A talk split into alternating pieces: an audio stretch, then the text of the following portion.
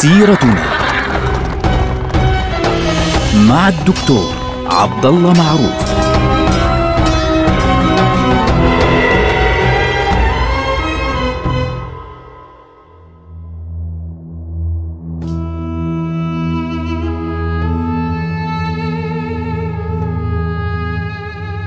السلام عليكم ورحمة الله وبركاته. سيرتنا سيرة هذه الأمة العظيمة ونحن الآن في عهد العباسيين.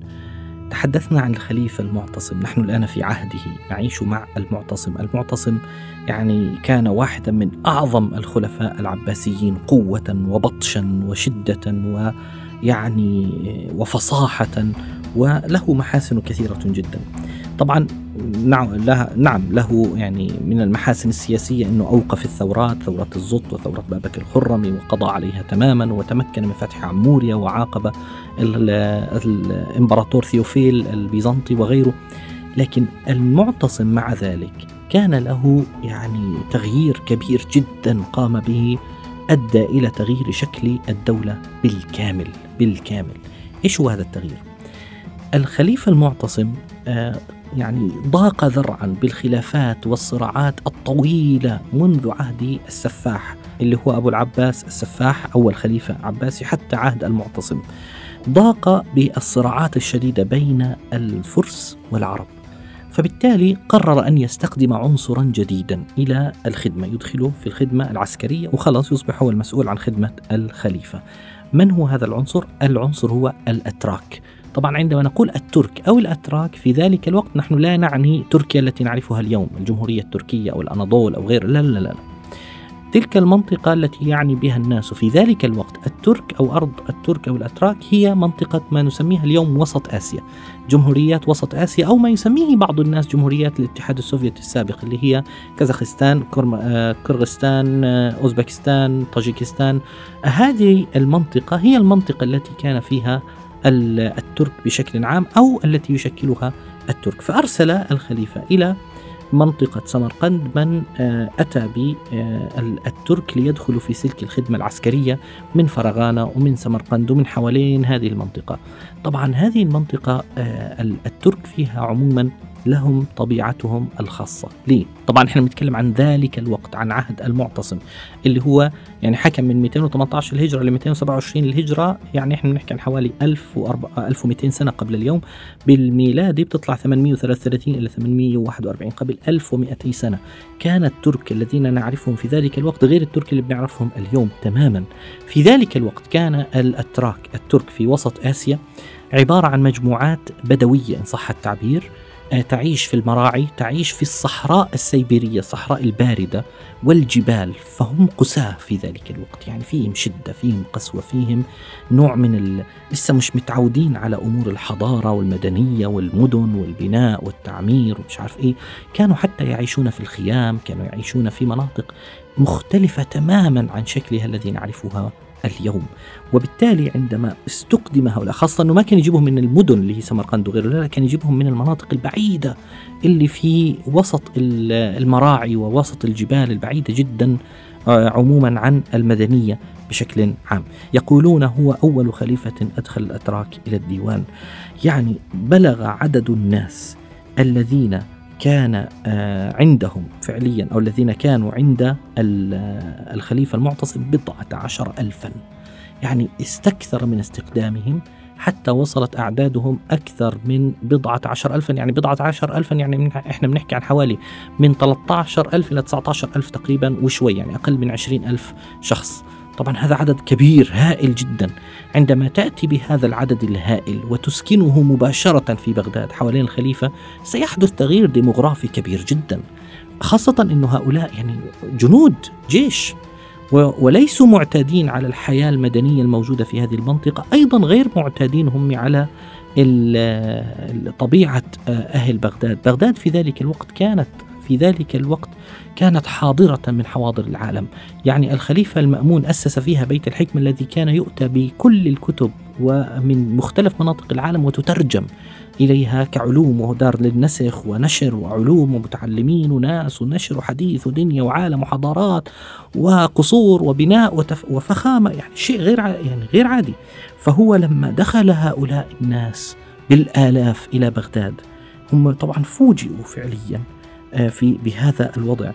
آه، خاصة أن الخليفة باعتبار أنه هدول سيخدمونه ألبسهم أنواع الديباج الذهب يعني أفرغ عليهم من العطايا من الأموال لأنهم خاصة الخليفة لهم.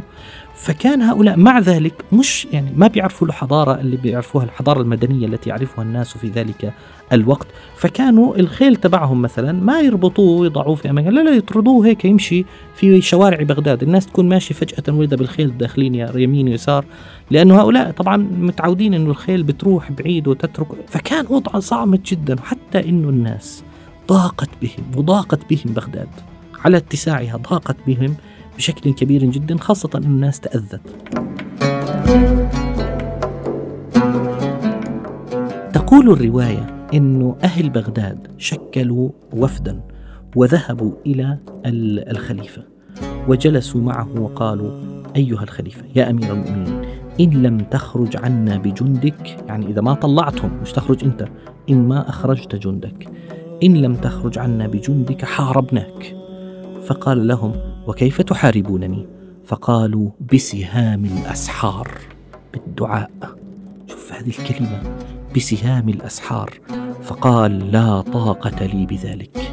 فورا تذكر ورجع قال لا طاقة لي بذلك. فمباشرة أمر ببناء مدينة قريبة من بغداد مش بعيدة عنها كثير سميت سر من رأى. سر من رأى. هذه المدينة طبعا سينتقل إليها الخليفة بعد أن ينتهي بناؤها. نقل طبعا الجند إلى الخارج إلى خارج بغداد. وبعد ذلك أتم بناء مدينة في غاية الجمال والروعة اللي هي منطقة آه، سر من رأى أو مدينة سر من رأى فأسكن فيها الجند. وانتقل أيضا بنفسه على فكرة إلى هناك. يعني انتقل وبنى لنفسه قصرا إلى في سر من رأى وأصبحت سر من رأى مدينة للجند التركي في ذلك الوقت. طبعا للعلم هي الآن معروفة سر مرة اللي هي اليوم اسمها سامراء. طبعا من وين جاء اسم سامراء؟ يعني يقال يقال في بعض الروايات إنه لأنهم كانوا غير معتادين غير معتادين على أمور الحضارة والبناء والمدنية وكذا فما كانوا يعتنون فعليا بهذه المدينة وخدمتها وغيره. فتشوه شكل المدينة في أحيان معينة حتى إنه الناس صارت تتندر وتسميها سيئه مرة. فسيء من رأى سيء من رأى تحرفت بعد ذلك إلى مدينة سامراء. فهكذا يقول بعضهم طبعا. المبدأ نحن لا ندري بالضبط أنه ممكن لأنه ساء يعني سامراء أقرب لهذه الكلمة. لكن ربما تكون أيضا تحريفا لكلمة سر من رأى. الذي يهمنا أنه سر من رأى أصبحت عاصمة قريبة من بغداد فبالتالي بغداد لها مكانتها الكبيرة وتعتبر العاصمة الرسمية فعليا للدولة ولكن موقع وجود الخليفة في سامراء. هذا الكلام سيكون له أثر مهم جدا على من بعده من الأحداث. طبعا في نهاية عهد الخليفة العباسي المعتصم آه، الرجل مرض فجأة يعني كان كان في عز شبابه يعني 48 سنة كما تقول بعض الروايات فاحتضر فجأة مرض واحتضر وذلك كان يجهز لحملة لأخذ الأندلس من الأمويين فلم يتمكن احتضر الرجل فصار يقول ذهب الحيلة فليس حيلة طبعا وقيل إنه كان يقول أيضا إنه أوخذ من بين هذا الخلق. يا الله كل هذول الناس وأنا أوخذ من بينهم. وقيل إنه كان يقول اللهم إنك تعلم أني أخافك من قبلي ولا أخافك من قبلك وأرجوك من قبلك ولا أرجوك من قبلي. فالرجل بعد ذلك توفي. اشتد عليه المرض ومات. بعد أن مات استخلف من بعده الخليفة الواثق. الخليفة الواثق عندما استخلف فعليا كان وضعه مختلفا تماما. هي مرحلته هي مرحلة انتقالية بين العصر اللي هو عصر الخلافة العباسية القوية وعصر الخلافة العباسية الضعيفة. طبعا في بداية عهده بدأ يتصدى لحركات الأعراب هنا وهناك وفرض الأمن في منطقة شمال الجزيرة العربية بالذات لأنه كان فيها مشاكل كثيرة. وتميز عهده بأنه كان متشددا جدا في قضية عقيدة المعتزلة. وأدى هذا الأمر يعني إلى إلى ضعف شديد يعني أمامه بينه وبين الناس آه، وفقد للثقة بينه وبين الناس. طبعا آه، أضف إلى ذلك أن الرجل لما تولى الحكم كانوا الترك موجودين حوله وكانوا موجودين في المكان و فعليا لأول مرة استخلف على شيء استحدث شيء اسمه السلطنة سلطان واستخلف عليها رجل اسمه أشناس التركي.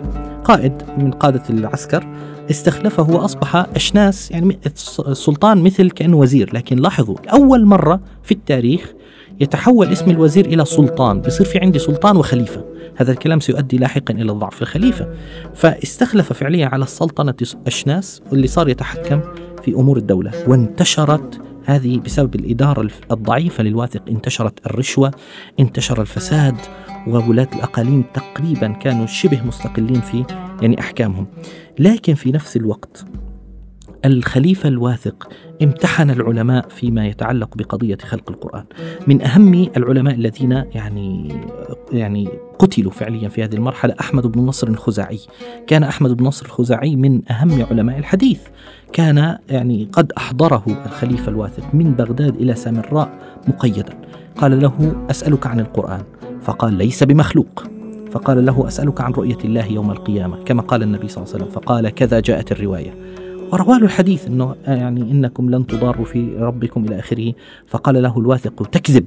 فقال هو للواثق بل تكذب أنت. قال ويحك أنا بتقول لي أكذب؟ قال نعم هذا الذي ورد. فقال له الخليفة يرى كما يرى المحدود المتجسم مش عارف إيه ويحيي إنما كفرت برب صفته ما تقولون فيه. فمجموعة من فقهاء المعتزلة كانوا حواليه فقالوا هو حلال الضرب فأمر بالسيف. ثم قال إذا قمت إليه فلا يقومن أحد معي فإني أحتسب خطاي إلى هذا الكافر الذي يعبد ربا لا نعبده.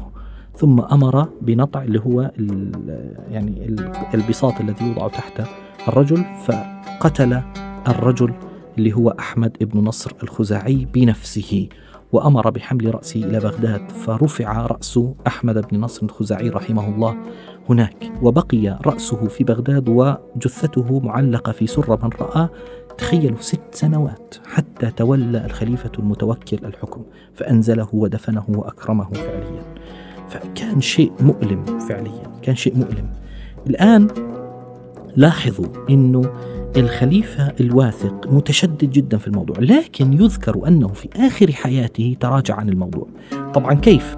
يقال انه حمل إليه رجل في من حمل يعني من الذين يعني كانوا يقولون بقول أهل السنة إنه شو القرآن مخلوق ومش عارف من وين بيجيبوا فحمل إليه من بلاده. فلما دخل وابن أبي داود اللي هو شيخ المعتزلة موجود قال الرجل يعني المقيد اللي هو العالم المقيد قال أخبرني عن هذا الرأي الذي دعوتم الناس إليه اللي هو القرآن مخلوق.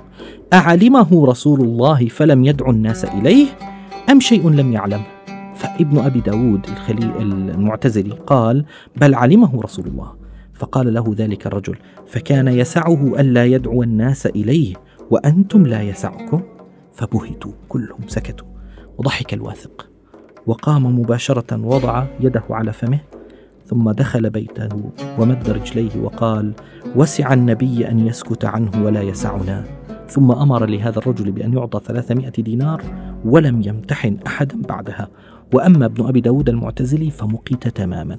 طبعا بعد هذه الحادثة بقليل أصيب الواثق بمرض الاستسقاء وتوفي في نهاية شهر ذي الحجة من عام 232 ولم يولي أحدا الخلافة من بعده هذا الأمر سيكون له أثر كبير جدا في تغيير صورة الأمة والوضع العام للدولة بشكل عام. نلقاكم على خير. والسلام عليكم ورحمة الله وبركاته.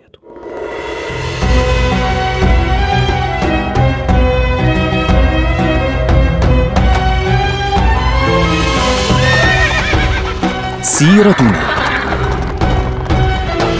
مع الدكتور عبد الله معروف.